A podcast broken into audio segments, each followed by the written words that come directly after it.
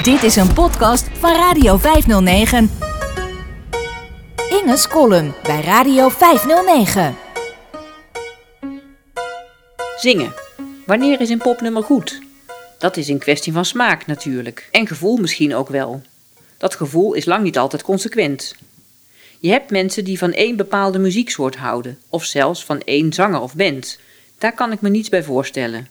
Als 14-jarige heb ik het geprobeerd. Het leek me leuk om ergens fan van te zijn, net als andere meisjes in mijn klas.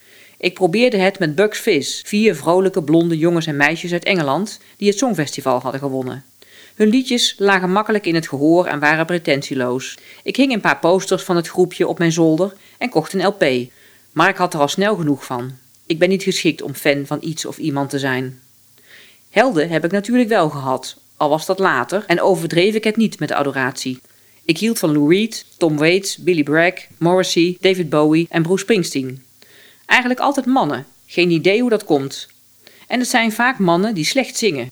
Dat laatste is eigenlijk wel vreemd, want ik ben op een vrij intuïtieve manier muzikaal en ik hoor dus best of iemand een mooie zangstem heeft of bijvoorbeeld vals zingt. Maar bij dat rijtje mannen maakt het me niet uit. Ik vind hun gemompel, gejammer en geneuzel juist lekker. Voor mij is zingen iets heel vanzelfsprekends. Even belangrijk als het lezen van boeken en het schrijven van verhalen. Ik kan me het leven zonder zingen niet voorstellen. Ik heb altijd gezongen. Dat begon al als kleuter op de schommel, zelf verzonnen liedjes. Later in schoolkoortjes en musicals en nog weer later in kerk en andere koren. Al minstens 25 jaar zing ik geen popmuziek meer. Ik heb zelfs een uitgesproken hekel aan popkoren. Blackbird, Bohemian Rhapsody of California Dreaming. Het klinkt altijd slap, flauw en futloos als een koor het zingt. Onmuzikaal zelfs. Want het is ontzettend moeilijk om met een groepje mensen meerstemmig een popliedje te zingen. Als het niet spatgelijk is, of ook maar een fractie uit het ritme loopt, blijft er totaal niets van over. Toch is er voor mij wel een link tussen zelf zingen en naar muziek luisteren. Want voor de weinige vrouwen in de popmuziek waar ik van hou, geldt dat zij muziek maken die ik graag meezing thuis of als ik onderweg ben. Vroeger was dat bijvoorbeeld Karen Carpenter. Voor mij toen precies de goede stemhoogte, maar inmiddels veel te laag. Wat goed uitkomt, want ik vind de Carpenters al lang verschrikkelijk sentimenteel. Tracy Chapman zingt ook prettig, hoewel voor mij ook aan de lage kant. Carly Simon en Mathilde Santing zijn meer mijn hoogte en ook fijn om mee te zingen. Eind jaren 80 ontdekte ik Carole King. Een vriendin had de LP Tapestry, haar bekendste album, en op dat moment al zo'n 15 jaar oud. Ik nam de plaat op een cassettebandje op en draaide dat vaak. Het is muziek die ik niet kan horen zonder mee te zingen. Alleen in mijn kamer, onder de douche, het was toen de gewoonte om een cassetterecorder mee te nemen naar de badkamer, of met een huisgenoot met wie ik in de keuken van onze studentenflat You've Got a Friend zong.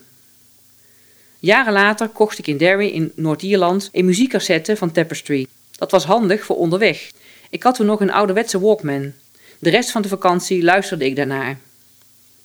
Inmiddels kan ik de CD uit de kast pakken of het album opzoeken in onze cloud.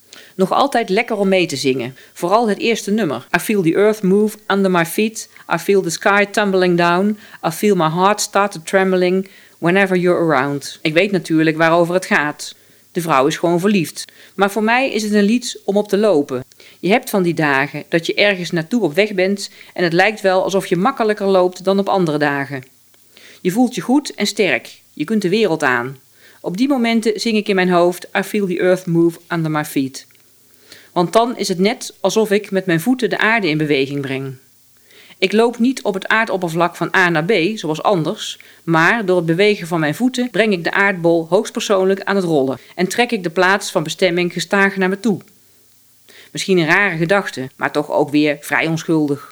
Dit is een podcast van Radio 509. Elke dag een goed gevoel. Een goed gevoel. Radio 509.